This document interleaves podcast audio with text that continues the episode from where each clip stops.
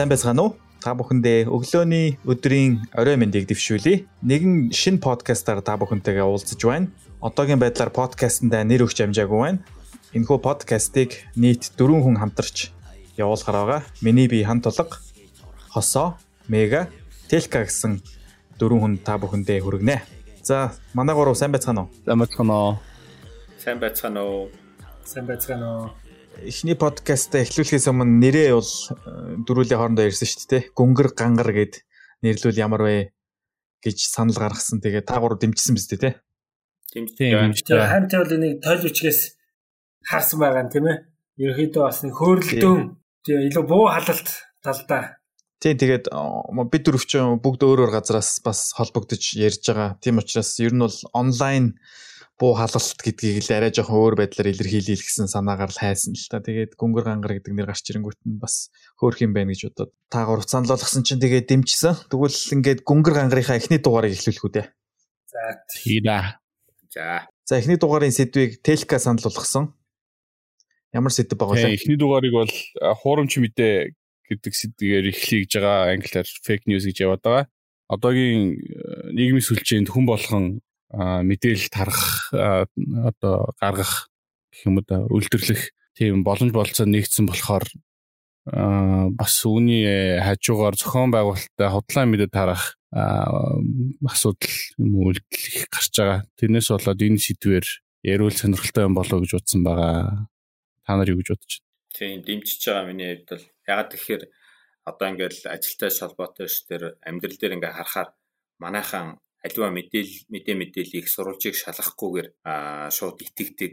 Тэгээ нөгөө сошиал медиа чинь бас яг нэг тийм бодиттой их сурвалжгүй амд амтсан ярианаас байдаг. Тэгээ би магадгүй энийг монголчуудын амьдралын хэм маягаас үүссэн тий. Дээр үед магадгүй нөгөө бодиттой мэдээ мэдээл гэж байдгүй. Мэдээ мэдээл хаанаас ирж ийнэ гэхээр одоо хол явсан хүн нөгөө жинчин байдаг ч юм уу тий тэрнээс авсан мэдээ мэдээлэлээр явдаг. Тэгээ магадгүй тэрэндээ итгэцэн. Тэгээд энэ нь болохоор амьдралын маяг дээр ороод ирсэн. Одоо жишээ нь аа за хин тэгж чинь яг чи яг сонссон юм уу гэхээр аа нэг худлаа хэлэхээргүй хүн хэлсэн гэдэг ч юм уу тий. Нэг тиймэрхүү байдлаар автаад байдаг. Тэгээ бас гол нь яг өмнөх нийгмийн үед нэг их сурвалжаас мэдээлэл авдаг гэсэн. Тэр нь яг хуу нэг талтай үзэл сурталын ч гэсэн нөгөө талтай одоо арай баталгаатай тийм ховж үеийн маркийн биш их мэрэгжлийн хүмүүсийн бэлтгэсэн мэдээ сонсдог байсан. Яг хоо энэ маш олон мэдээллийн хэрэгсэл гарч ирээд сүүлдээ нийгмийн сүлжээ гарч ирээд тэгэхээр миний зүгээр одоогийн нөгөө бодлоор одоо чи нэг хар дээр цагаанаар бичсэн тэгээд интернетээр нэг юм дээр тавьсан болохоор нэг яг бодит юм шиг санагддаг. Тийм бас юм явж байгаа бах гэж бодоод байгаа. Тэгээд энэ зүгээр хүний бичсэн юм биш зүгээр бас нэг мэдээллийг сурвалжиг хүмүүс ч ингээд цаанаасаа нөгөө өөртөө мэдхгүй одоо ихтлэхгүй болохоор А гэхдээ энэ асуудал болохоор зөвхөн манай одоо монголчуудын үед биш юм билээ.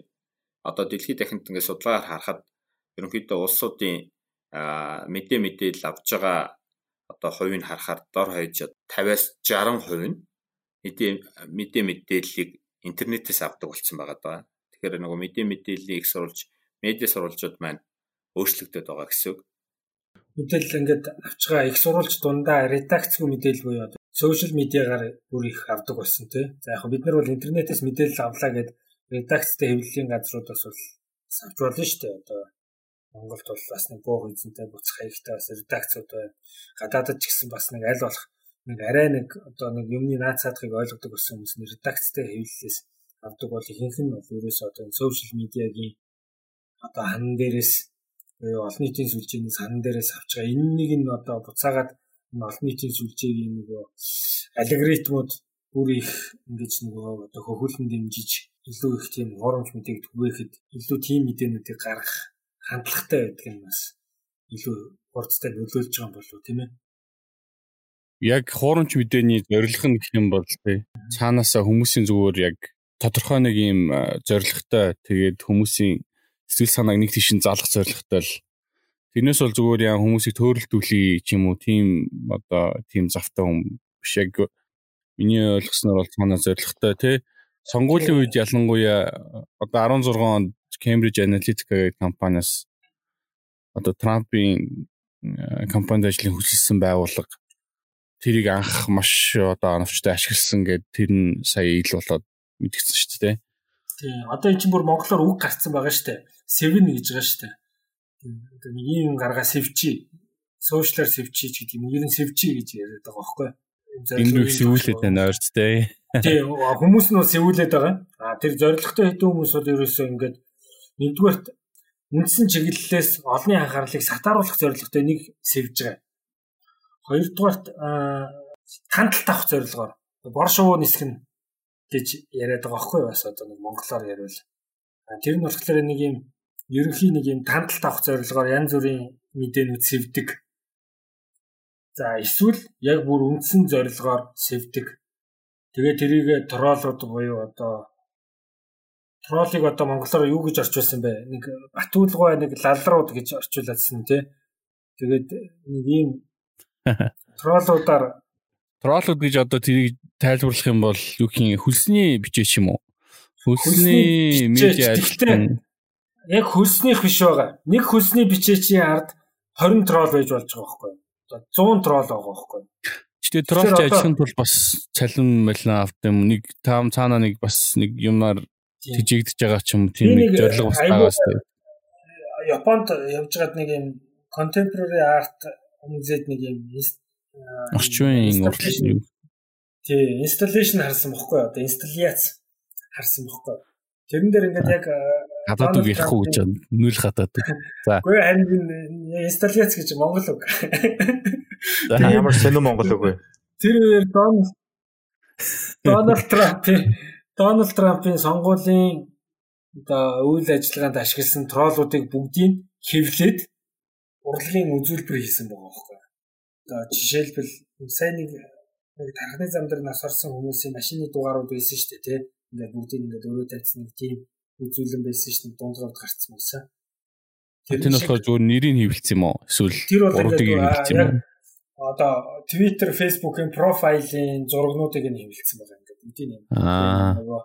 Ресипчик, дэлгүүрийн нөгөө баримтчиг ингээд бүгдийг ингээд урт тууцсан хэлбэрээр хэвлээд тэгээ мангар өндөр таазнаас ингээд бүгдийг ингээд доош нь зуул сарын гацуур шиг ингээд өмжүүлээд тэгээ хийцэн. Тэгээ тэрийг зүгээр ингээд хоёр хөлсний ажилтан энэ троллуудыг ажилуулахад ажилласан гэсэн байгаа байхгүй. Тролл гэдэг нь бот юм уу юу юм? Хүн юм уу? Тролл гэдэг нь одоо тэр хүний бий болгосон бот маягтай хуурамч хүн баггүй. Тэр нэг Аа зүгээр хуурамч профайлуудаа л яриад байгаа юм шүү дээ. Хуурамч профайлуудаа яриад байгаа байхгүй. Тийм. Профайл гэдэг чинь бас. Тэгэхээр одоо жишээ нь ингээд яг нэг сэтгэл зүй талаас нь яадаг юм бэ? Нэг хүн хуурамч мэдээ гаргаа сэвлээ гэхэд тэр сэвэгчт нь нэг хүний ажиллаж байгаа 200 хүн ретвит хийсэн байхад юм уу лайк дараа шеэр хийсэн байхад энийг бол хүмүүс шууд ингээд итгэх магадлал одоо огцом өсөж байгаа байхгүй. Энэ мэдээ өөрөө. Гэтэ яг тийм хийсэн хүмүүс ингээд яг зураглуу ингээд ороод профайлыг харахаар бас хуурамч шууд мэдэгддэг те дижитал бичиг үсэг тайлагдалт гэж хэлээд байгаа шүү дээ. Бичиг үсэг сайн тайлагдсан хүн бол энийг шууд мэдээд байгаа тий. Бичиг үсэг муу тайлагдах тусмаа мэдэхгүй байгаа. Энийг нөгөө тодорхойлтно. Дөнгөж нэгдсэн маркны монголчууд бол ихэнх нь 2009 10 онд фэйсбүүкт орсон шүү дээ.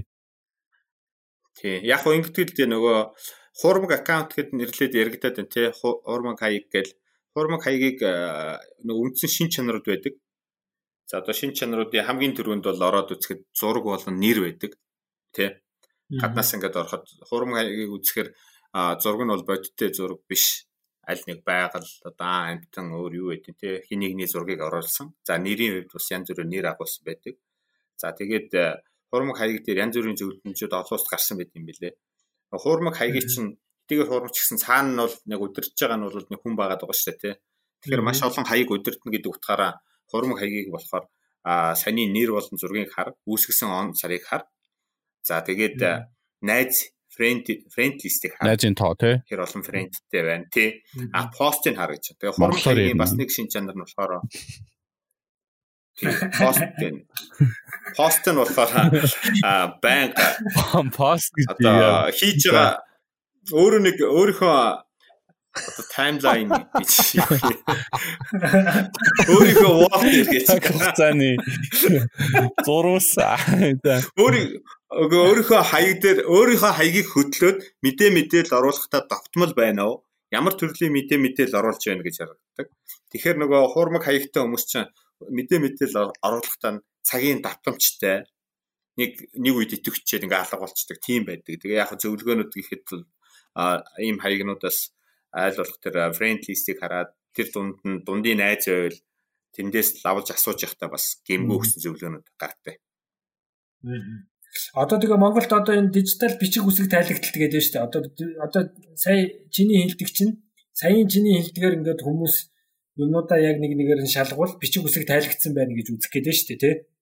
Одоо сая сурах хүчгийн цагаан толгойг нь өөрөө хэллээ гэж ойлгоод байна шүү дээ. Гэтэ саяныхыг ингэж одоо таньдаг боллоо гэж за жоохон мэдээлэл авлаа ш. Тэнгүүтээ чинь нэг хүн тим ширэлсэн байх юм бол хүн болгон тийшээ ороод үзээ за энэ жинхэнэ мэдээ байна уу муухай мэдээ байна уу гэж шалгахгүй миний ойлгосноор одоо бодож байгаагаар бол хүн яг юу сонсохыг хүсэж чинь те.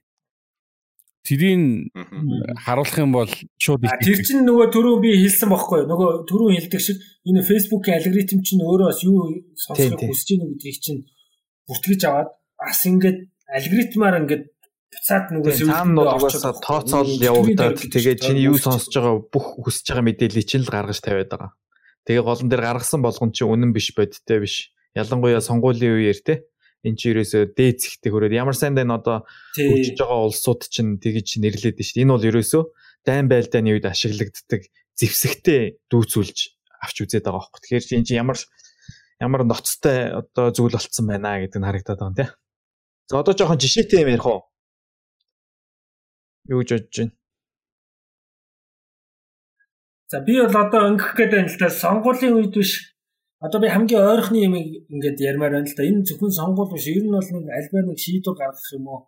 Нэг сонголтын дээр ирэхийн өмнөх олон нийтийг одоо яаж өөрийнхөө талд илүү талд оруулах вэ гэдэг асуудал шүү дээ. Тэгээд би энэ энэ дээр бол одоо сүүлийн жишээ гэвэл би энэ боловсролын реформ гэдгийг би зүгээр бас нэг жишээ дурдвал бас За Кембрижийг ярьж байна уу? Одоо яг болж байгаа процесс учраас болдог. Тийм Кембрижийн За нэг талаас нь бол одоо хөтөлбөрийг нэг талаас нь бол хүмүүс боловсролын реформыг хийх ёстой. Хийхдээ Кембрижийн хөтөлбөрийг авах ёстой гэдэг саналтай хүмүүс байгаа. А нөгөө тал нь болохоор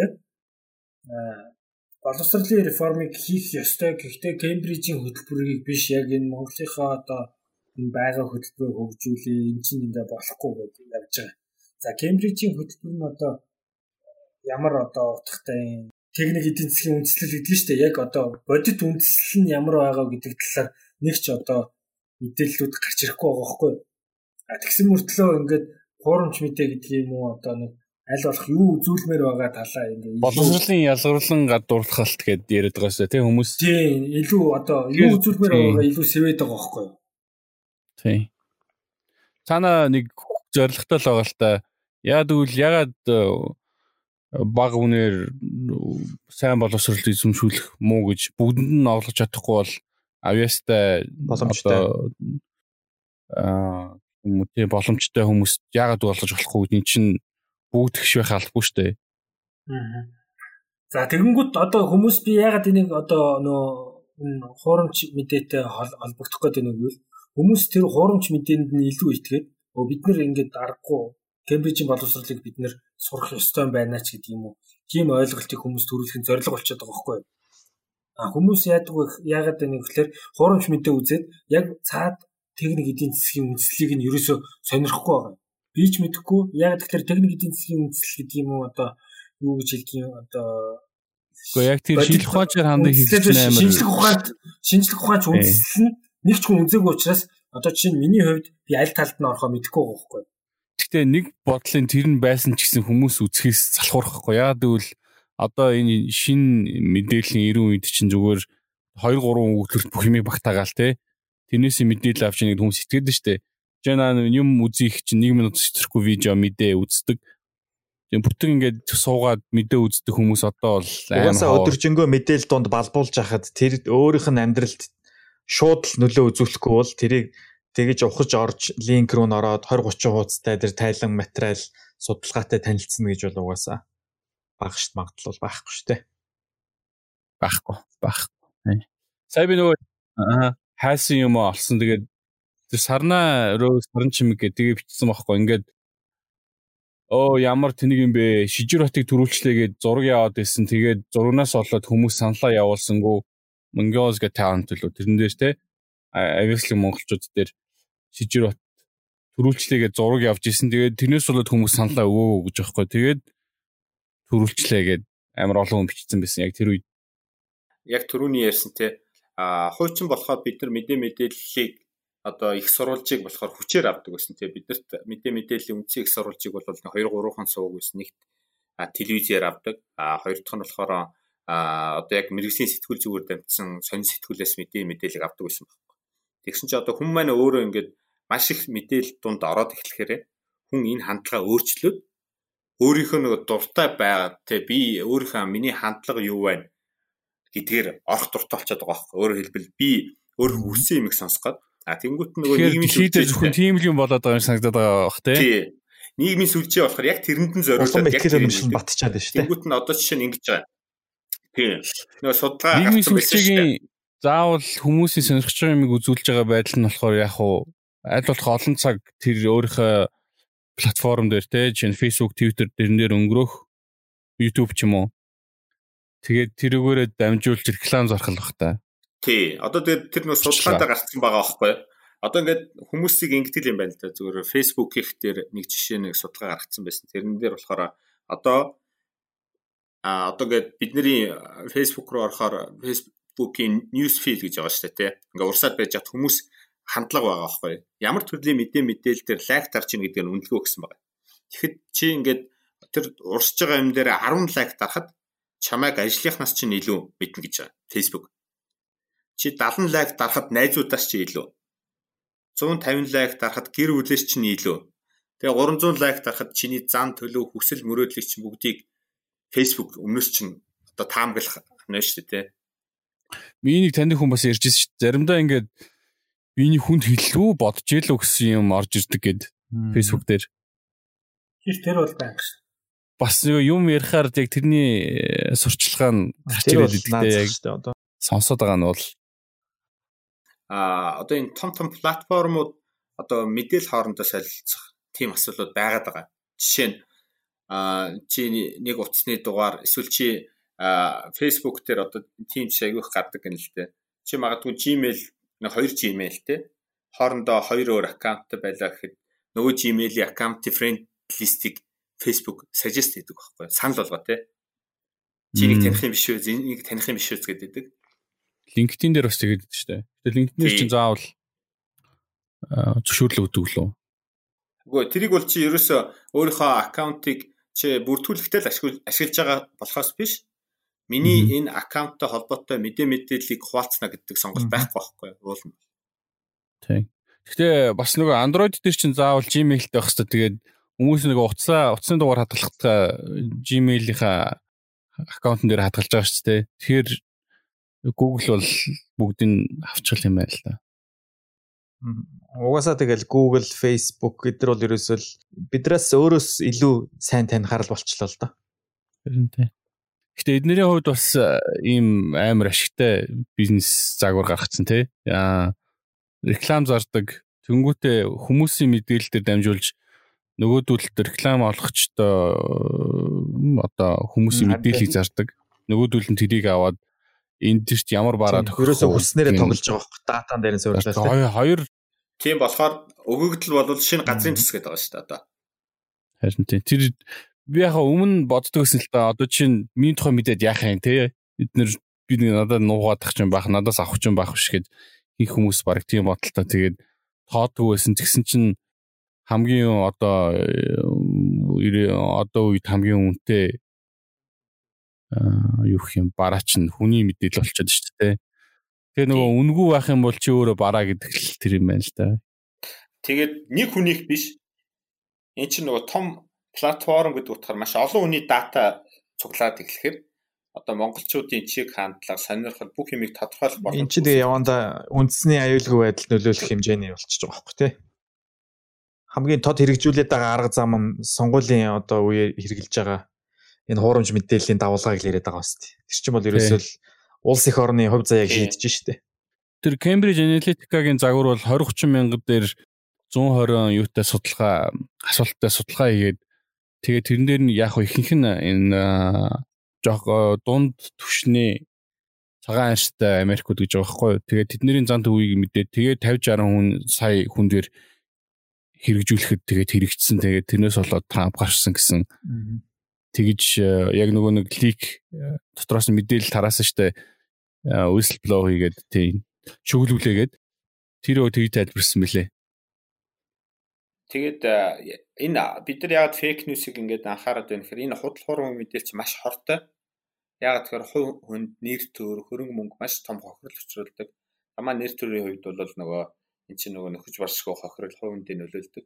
Аа ингэдэг гэнэ л дээ нөгөө хурд хуурмаг мэдээ мэдээллийн хурд гэж байгаа байхгүй нөгөө хүмүүс муу юм дуртай гэдэг шиг ийм хуурмаг мэдээлэл тарахтаа нэг тодорхой хугацаанд тарж байгаа шүү дээ тийм нэг одоо 2 хоногийн хугацаанд жишээ шүү 100000 хүнд хүрдэг болвол энийг дараа нь залруулахаар өө тэр чинь худлаа юм байлээ шүү дээ гэд залруулахад 7 хоногт 100000-ийнхаа 3-ны 1 ч хүрээг байдаг гинэ залруулах нь.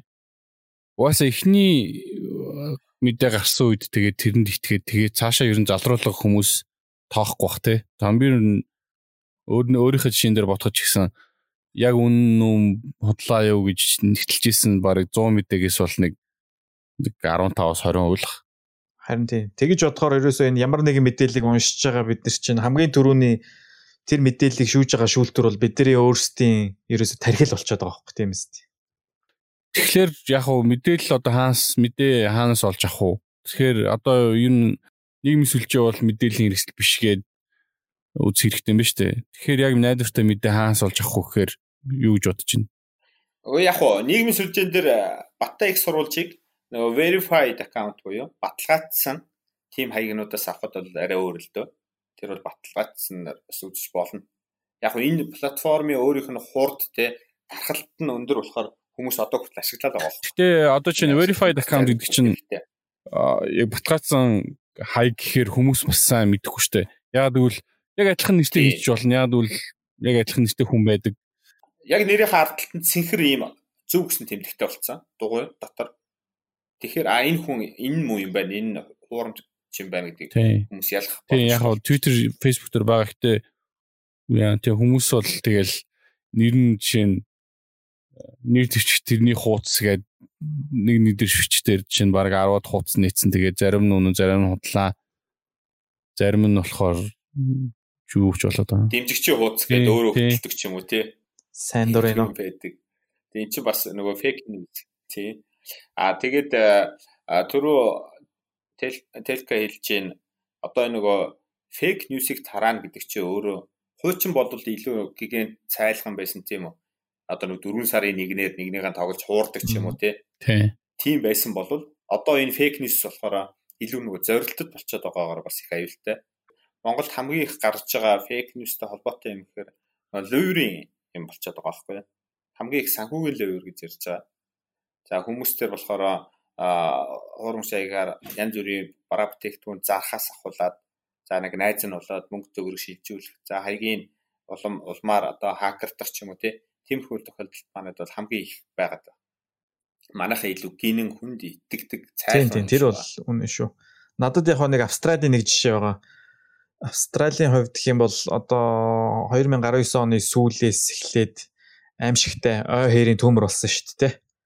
Тэгэнгүүт медиа суугууд яасан гэсэн чинь аль болох за энэ бол ерөөсөө одоо ирэх барьж байгаа намын буруу сүүлийн жилүүдэд авч хэрэгжүүлсэн бодлогыг ингээд өөрчилсөнтэй шууд холбоотой. Ягаад тэгэхээр цагуурын өөрчлөлт, цагуурын дулааралттай холбоотой авч хэрэгжүүлсэн бодлогыг ингээд болиулсан эргээд тэрнээсээ болоод тэр чинь бол ерөөсөө энэ ой хэрийн төмөр гарч байгаа хамгийн анхдагч хүчин зүйл болчиход байна гэдэг мэдээг медиа гаргангуут тэрийг нь аль болох нөгөө хүмүүс нь трол аккаунтууд гэж хэлээдсэн тэгээ хуурамч хаягуудаас орж ирээд за энэ бол ерөөсөө хов хүний хариуцлагагүй байдлаас үүдсэн тийм үүдэлтэй галт төмөр байсан. Тэрнээс шинэ бол одоо цагуурын өөрчлөлттэй холбоотой юм биш юмаа гэдэг хүмүүст өгж байгаа ойлголтыг нь тэгж хуурамч зөрүүлэх маягаар те хэрэгэр тэгж өөрчлөх маягаар тийм жишээ гарсан гэд энэ сүүл миний олж харсан судалгаан дээр бичсэн байсан. Тэр бол бас сонирхолтой санагдсан. гадаадын ер нь улс төрийн номууд чинь яг энэ нийгмийн сүлжээнд одоо зарцуулах рекламны төсөв мөнгө гэд баталт юм байл шүү дээ. Аа. Тэгээд жишээ нь одоо яг сонгуулийн үеэр амар их төгчдөг. Тэгээд чинь эсрэг мессеж гарахаар бас яг саяных шиг эсрэгээр нь тэрийг дарах зорилготой мессеж их итгэвчдэг. Тэгээд тэрний төсөв гэж бас маш их мөнгө зарцуулт юм билээ. Аа зарим нь баг улсын төсвөөс гарч байгаа их барьж байгаа намынх бол энэ нийгмийн сүлжээний компаниуд бол маш ашигтай ажиллаж байна л да. Яагад гэвэл муу ч юм таарна, сайн ч юм таарна, зорилттой ч юм хийн бараа бүтээтгүүнч зарна, улс төрийн компанид ажиллаж явуулна гэд.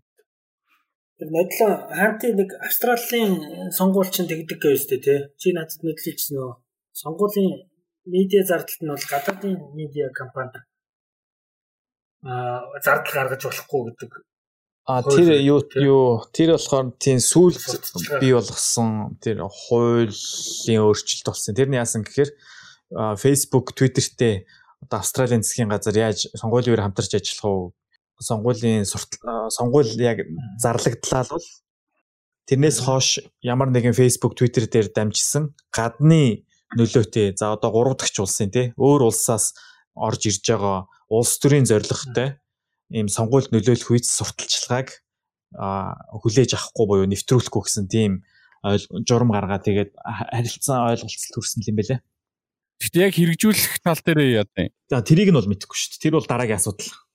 Яг бол хэрэгжүүлэх тэр чинь амар хэцүү юм шүү. Хэцүү л дээ. Гэхдээ ийм байдیں۔ Яг хоо энийг хэрэгжүүлдэг энэ платформуд амаа Facebook гэдэг энэ тал дээр бас сүүлийн үед айгүй их ажиллаад эхэлсэн.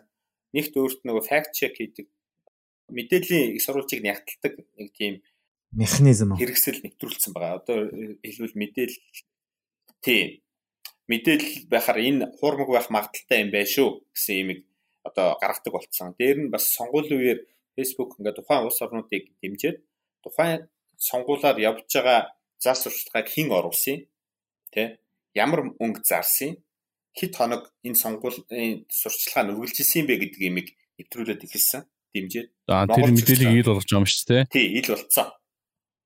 Одоо ингээд мэдээллийн үн зөв нэгтлэх гэдэг дээр чинь бас яг зөвөр хүн суугаад тэр хүн чинь бас амар э, субъектив байд юм билээ шүү дээ. Гэтэ яг энэ хүн суух асуудал яриаг бах уу? Энэ бол ерөөсөө хиймэл оюун ухааны юу л хөгжүүлэлт ярьж байгаа байлгүй дээ. Тэрнээс хүн суувал энэ энэ их мэдээллийн урсгалыг бол барахгүй шүү дээ. Fact checkers гэдэг чинь зүгээр хүмүүс л үт юм билээ шүү дээ. Хүм үү? А ер нь бол ингэдэг бодиттойгоор бол хүн байдаг. А гэхдээ тэр нэг яг энэ асуудал үнэхээр тийм асуудалтай юм уу гэдгийг шалгадаг тийм аргачлал тэр нийгмийн сүлжээнд байгаа байхгүй. Энэ дээр тедэн лайк авах бас нэг одоо нэг дислайк гэдэг байгаа шүү дээ тий. Ийм олон юмд харьцаагаар ялгаатай тоон ихсэж эхлэхээр анхаарал төвлөж байгаа байхгүй. А энэ их асуудалтай мэдээлэл юм шиг байна. Шалгая гэдэг ч юм уу тий. А нэрээ бас чинь репорт хийж болно шүү дээ. Тий. Репорт хийхээр а энийг бас шалгая гэдэг ч юм уу. Тиймэрхүү байдлаар ажиллах. Гэтэ том тим сэдв гарахгүй бол тэр чинь баг тэр пост болгоныг шалгах гэсэн бас хэцүү байна. Одоо хамгийн том нь коронавирус байлаа ш сая. 2019 оны 3 сард сошиал байгаа мэдээ мэдээллүүд байгаа шүү дээ тий. А тэрнийг ингээд харангуйтаа хүмүүс болохоор коронавирустэй байх юм бол 75% нь итгэжсэн гэж байгаа байхгүй. Тэгсэн чи одоо ингээ коронавирус ингээд үргэлжлээд а одоо 8 сар болоод эхлэхээр энэ саяны хувь нь ингээд буураад эхэлсэн. Магадгүй нөгөө коронавирус гэж байхгүй гэдэгт итгэжсэн гэж байна. Үгүй коронавирустай холбоотой эмчилдэг арга өөр юу байдیں۔ те. Магадгүй нөгөө саунд суу муу гэд тийм биш шүү дээ явуулсан. Тэд нэр амар өндөр байсан юм байна л да хувь нь. Тэгээд тэгтээ магадгүй нөгөө талаараа энийг зөвөр тайлбарлахдаа а юм хит яриад тохоор хүмүүс анхаарал сударчдаг шүү дээ те тэгсэн ч байхыг үгүйсэхгүй гэсэн байл. Тэгэхээр л бас бид бүхэн энэ мэдээ мэдээллийн сурвалжийг ахаад шалгахал болчиход байгаа. Монголын 90 сурвалжлах сэтгүүлчдийн төв гэж нэг байгууллага байд юм байна. Тэрний байгууллагын бас нэг тодорхой албан тушаал хийдэг Тамир гэдэг хүн 2020 оны сонгуультай холбогдлолтойгоор Truly Media гэдэг компанитай хамтраад тэгээд бас нэг өөр DW Academy гэдэг байгууллагатай хамтраад Fact Check Mongolia гэдэг тийм платформыг байгуулад тэгээд яг сонгуулийн үеэр илүү идэвхтэй ажиллах те тэр үеэр гарч байгаа мэдээнүүдийн их сурвалжуудыг батлах тийм платформыг бас хийсэн гэсэн тийм зүйлийг би бас олж уншсан. Энэ бол бас манай хувьд бол бас нэлээ агцтай ажил болсон юм байна да гэж харж ирсэн чухам бас яг хэр түрүүний Телкагийн хэл хэлснээр хэр хэрэгжсэн байгаа нэ. Гэхдээ яг тийм одоо жишээ нь сайн санаагаар байгуулсан үед одоо бүгдээрээ л капиталист нийгэмд амьдарч байгаа. Тэгэхээр одоо хаанаас санхүүж, чин зэрийг санхүүжүүл, чин дэмжихийн те эхлээд амар идэвхтэй байгуулдаг. Тэгээд тэр чинь яг тэрнийхээ хэмжээгээр хүлс авахгүй бол хин ажиллахыг хүсэх юм.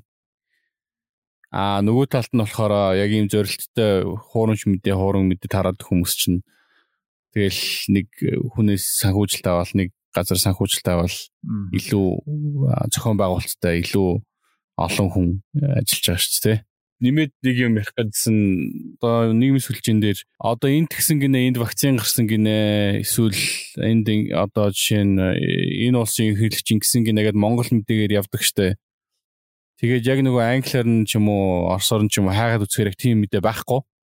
Тэгээд тийм тийм чинь мэдээг амар их хүмүүс хоорондоо ховж болгож тараадаг. Аа нэг талдаа болохоор яг хилний бас нөгөө одоо монголоос өөр юм уу хилээр тэрийг одоо нэвтэлж чадахгүй болох болохгүй болохоор шууд итгэдэг гадаадад ингэсэн байна гингүүд тэгэл за ийм байна. Энэ тийм тийм бид юм байна, тийм ийм байд юм байна гэд хүмүүс шууд итгэдэг тийм бас байгаа. Тэгээд манайх нөгөө мэдээлэл олж авах их сурвалжин чинь ганц хэлээр байх юм бол хүмүүст бас тийм учир дутагдaltaй. Дижитал орчны бичиг үсэг тайлагдсан байдал эргээ дижитал за тэгээд цаашлах юм бол нөгөө ерөнхий боловсролын бичиг үсэг тайлагдсан байдал хэлний мэдлэг ч юм уу тэр руугаа бас яваад орчих бах тий. Тэгээд э, миний бас харснаар энэ нөгөө Төв Азийн улсуудад э, бас тэр их байдаг. Яг тэгвэл Орос хэлнээс өөр хэлгүй.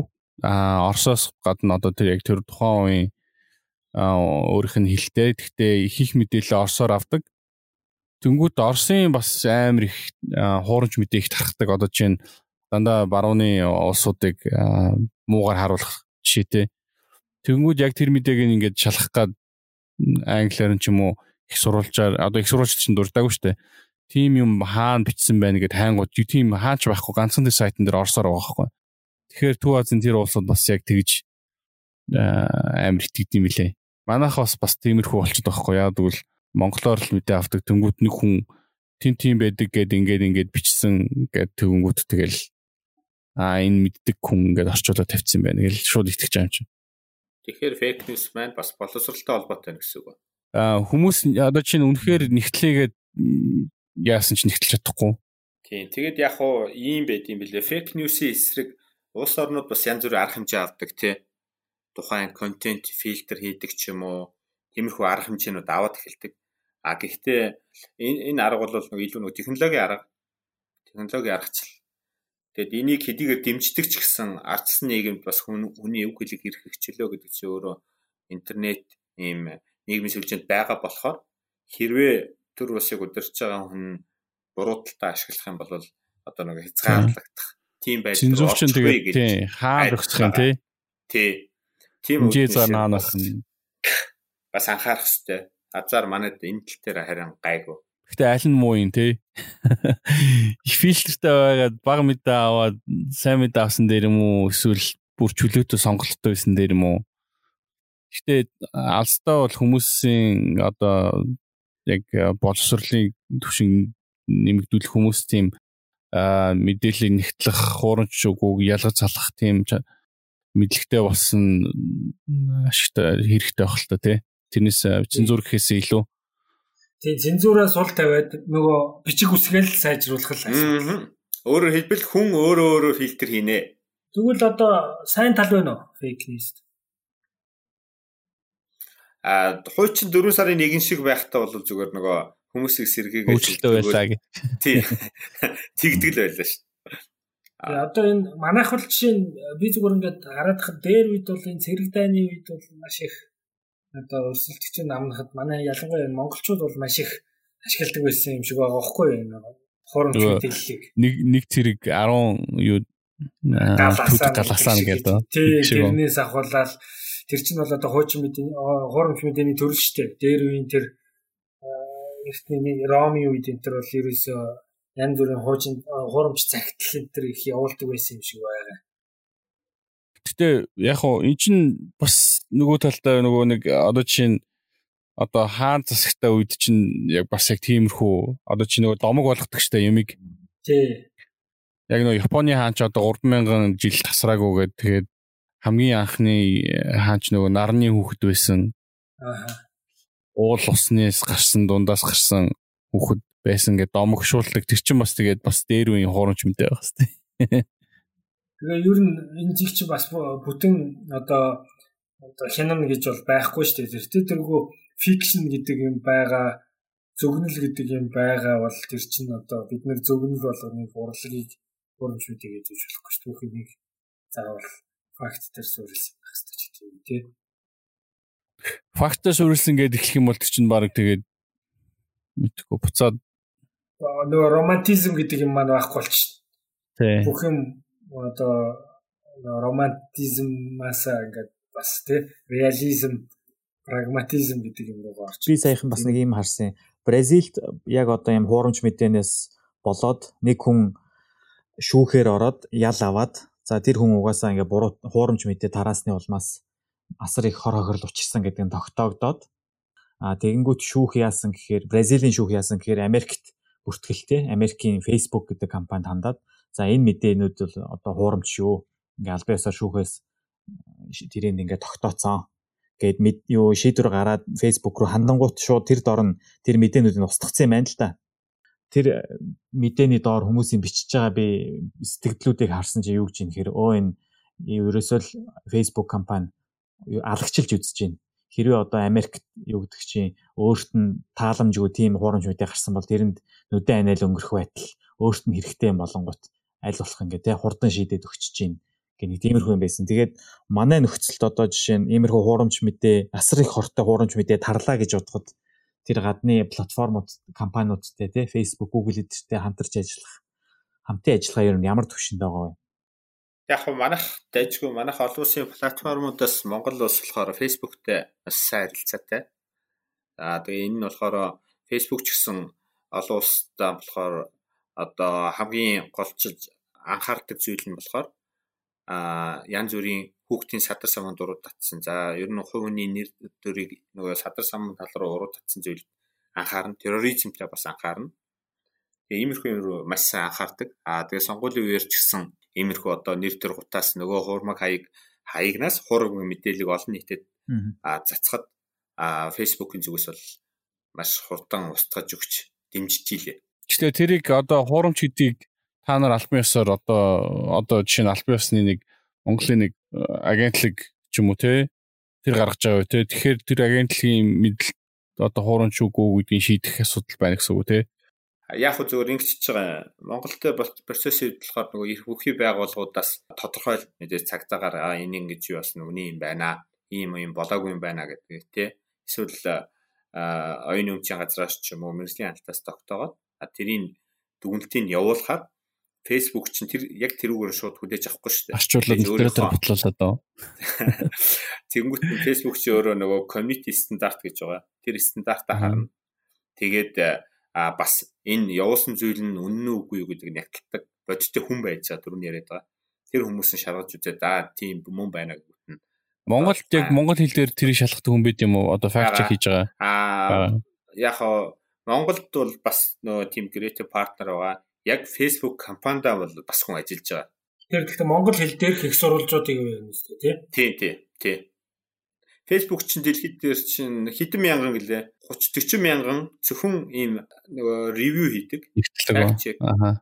Тий, нэгтэлдэг 40 мянган хүн байдаг гэдэг баг шүү. Гэхдээ Facebook бас сонь те яг платформ гэхээр өөрөө бас нөгөө юугаа одоо чинь хуурамч үгүйг өөрөө нэгтлээд устгаж зарим нь одоо хуурамч биш юм байна гэж шийддэг. А нөгөө талаар яг мэдээний мэдээллийн компани бот биш. Тэнгүүт а хэрвээ мэдээллийн компани биш юм бол тэрнээр юу гарах нь хин тамаатай юм. Яг хор уршигтай болоод ингээд байгаа гингүүд за хор уршигтай энэ тэгвэл хин тэрийг шийдэх юм шүүх шийдэх юм уу? Эсвэл чиний ярьсан шиг одоо тухайн улсын их бүхий байгууллага шийдэх юм уу? Шүүгээ шийдлэх энэ процесс айгүй удаа шүү дээ. Шүүгээр яг тэгэхээр Facebook компани дата шүүгээ шийдвэрлэхэд яг хүн их хэрэг байна. Харин тийм. Тэгэхээр нөгөө улсуудын нөгөө их газрын хууль 7 гээ хууль гээ яриад шүү дээ. Яг тэрний ялгаанууд гараад байгаа байхгүй. Facebook компани өгөгдөл дата нь Америкт байрладаг болохоор бид нар Америкийн хуулийг дагнаа гिचж байгаа.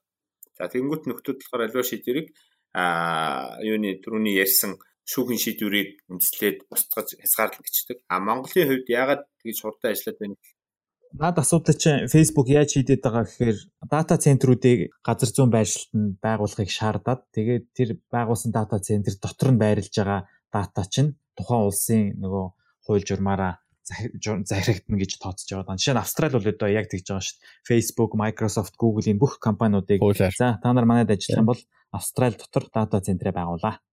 Тэгээ энэ шаардлагыг хангасан тохиолдолд чинь бид нэр датагаа байршуулна. А тэгээ нэгэнт Австрали дотор дата нь байж байгаа тохиолдолд Австралийнхаа хуулийг хэрэгжүүлэхээр ямар ч асуудал болчихж байгаа байхгүй. Ямар ч асуудал хүнтэй бас хэцүү шүү. Хүнтэй хүмүүс яг болохоор тэгээд байгаа. Бас гэдэг чинь яг хаачж болно үстэй. Яг тэрийг яг хоо үндсэн сервер байна л гэж байгаа.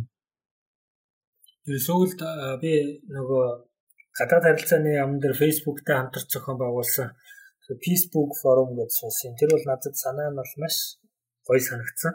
Тэгээ Facebook-ийг юм хурамч мэдээ мэдээл сөрөг юм ингэж түгээхээс илүү илүү одоо давуу талыг нь илүү ашиглая гэдэг агуулгатай. Тэр мессеж Уг нь анх амар тийм зүгээр байсан шүү дээ тий хүмүүс удаан уулзаагүй харилцаагүй хүмүүс хоорондоо холбогдоод харин одоо болохоор тэгээд хүм их замбраагүй бол одоо ч гэсэн давуу талаас их байж магадгүй. Тий яг нөгөө насны хязгаарлалт манайхаас одоо ингээд энэ тийм судалгаа харахаар насны хязгаарлалт хүмүүс их ашигладаг юм байлээ. А 40-оос дээш насныхаа илүү гэр бүлтэй холбогдох тийм зорилгоор ашигладаг гэсэн байлээ. А арай нэг бага насны хүмүүс болохоор найз нөхөдтэйгээ холбогдох. За дунд үеийн дунд үеийн залуучууд болохоор мэдээ мэдээлэл олж унших гэдэг байгаа байхгүй. Одоо хүн чинь ингэдэг болчиход байгаа байхгүй. Бид нар ингээд нэг юмыг хайхтаа Google дээр ороод хайдаг гэсэн. Одоо шууд Facebook дээр ороод хайдаг ч юм уу тий. Хэрэглээний Австралид бас 19 онд хийгдсэн нэг Digital News Report гээд судалгаа гаргасан байсан. Тэрийг харж байхад бол 2018 онд сошиал медиад итгэх итгэл нь нийт ард иргэдийн хувьд 24% байсан чинь 19 онд 18% болж буурсан байлээ. Тэгээд яг юунаас болоод ингэж буурваа гэсэн чинь ерөөсө хит их улс төржилт. За тэгээ хуурамч мэдээ мэдээлэл ихсэнтэй шууд холбосон шууд холбож тайлбарсан байсан. Тэгэнгүүт яг одоо аль платформ дээр хамгийн их хуурамч мэдээлэл яваад байна гэдэг асуулт нь бол нийт оролцсон хүмүүсийн 36% нь Facebook. Тэгээ хоёр дахь нь мэдээний вебсайт болон бусад аппликейшнүүд гэдэг нь 19% болж орж ирсэн. Тэгэхээр ерөөсөө Facebook бол яг л хуурамч мэдээний Twitter байхгүй хавалцсан байгаа байхгүй. Twitter болохоор нэлээд хаагуур 7% гэж байна. Өөрөөр хэлбэл энэ жигсаалтын 5-д орж ирсэн байна. YouTube 5% буюу 6 дугаард орж ирсэн байгаа байна. Гэхдээ нөгөө талаар энэ Facebook чинь нөгөө реклам зарах гэдэг хүмүүсийн анхаарлыг одоо чинь зөвхөн өөр дөрөө байлгах зорилготой э, платформуд шүү дээ. Тэгэхээр хүмүүс бас зарим нь одоо чинь ойлгоод устгах хандлага бас гарч байгаа бах те. Жин би чинь устгацсан байгаа дээ. Зөвхөн найзуудтайгаа чатлах зорилгоор л э, аккаунт байгаа болохоос ш одоо яг Facebook дээр итгэвтэй бол байхаа болцсон. Аа. Тийм тийм. Тэгэлгүй яах вэ? Эн чинь бол зарим хүнд одоо сэтгэл зүйн хувьд ч гэсэн дарамттай болж байгаа юм шүү дээ. Тэр нь чам давуу тал нь их вэ нөө сул тал нь их вэ нөө? Миний бодлоор давуу тал нь их байгаа. Би чинь за барыг 2 жил болчихно уу.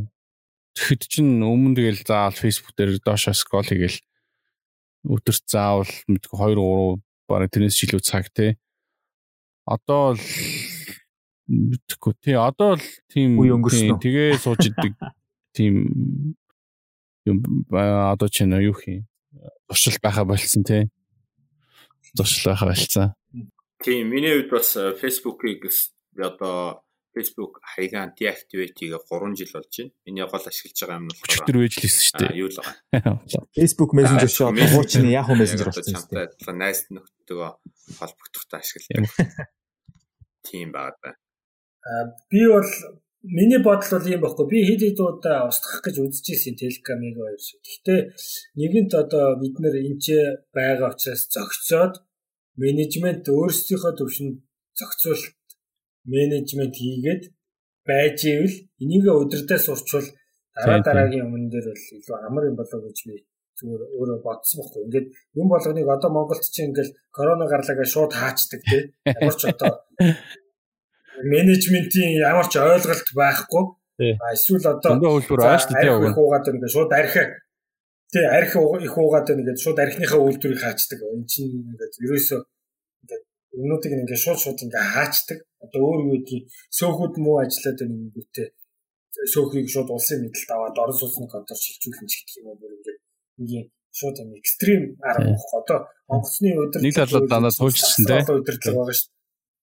Тий Зүгээр би ингээд ийм юм хүмүүсийг шууд ингээд тулгараад энэ проблемүүдтэй тулгараад энийг жоохон менеж хийдэг тийм арга руу. Одоо чи би бол хүүхдээ одоо social одоо юу гэдгийг device буюу одоо электрон төхөөрөмжүүд хэрэглэнүүд би шууд болихгүй өөрөөр нь менеж хийлгэж яг нөгөө төрийн зохицуулалт хувь хвшлийн хувийн хвшлийн өөрийнх нь хүмүүсийн өөртөө зохицуулах гэдэг дээр орж ирэх юм байна л та тий Тийм тэгвэл миний хэлэх гээд байгаа юм нь болохоор юу шүү. Одоо хэдийгээр хүүхдтээр ингээд ярьж штэ те.